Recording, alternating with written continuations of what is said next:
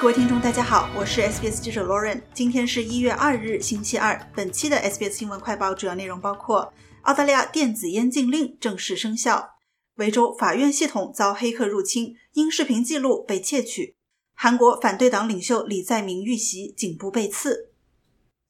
澳大利亚反电子烟法的第一阶段已于一月一日生效，一次性电子烟的进口如今已被禁止。这一变化是政府去年引入的一系列立法的一部分，旨在打击烟草和尼古丁行业，将全国的吸烟率在二零二五年降至百分之十以下。除此之外，从三月起，进口或供应不符合医药监管机构标准的电子烟也将成为非法行为。卫生部长马克·巴特勒表示，政府希望消除未来一代人对尼古丁的依赖。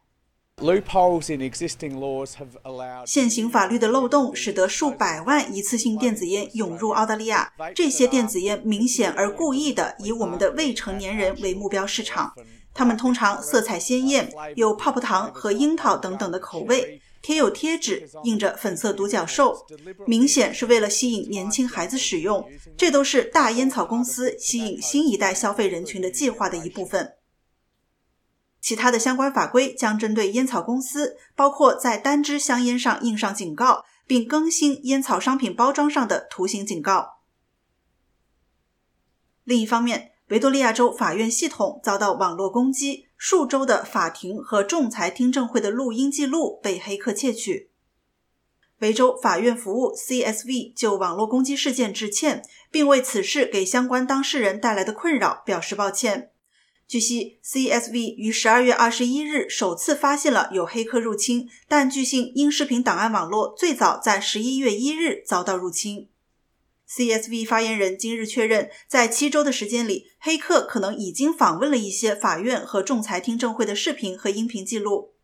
一些备受关注的法庭案件中敏感的证人证词可能遭到泄露，包括一件谋杀案审判的关键证据。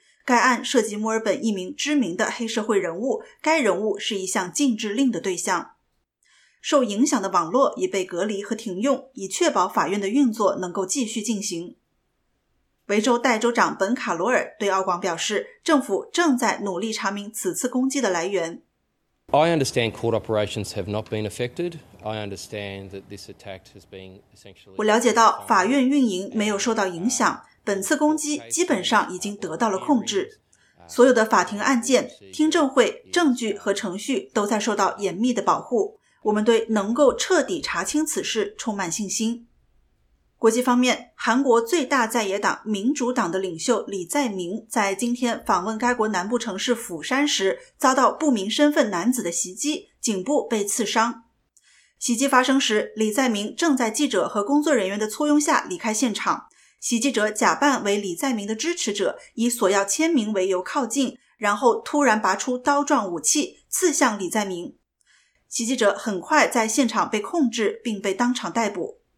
李在明在2022年韩国的总统大选当中以微弱的劣势败给现任总统尹锡悦，此后因腐败和其他刑事指控受到国家机关的一系列调查。韩国总统办公室发布声明称，已命令有关当局迅速展开调查，并为李在明的救治提供支持。感谢收听本期的 SBS 新闻快报，在任何的播客平台订阅 SBS 新闻快报，并开启消息提醒，即可随时了解澳洲国内外新闻及社区资讯。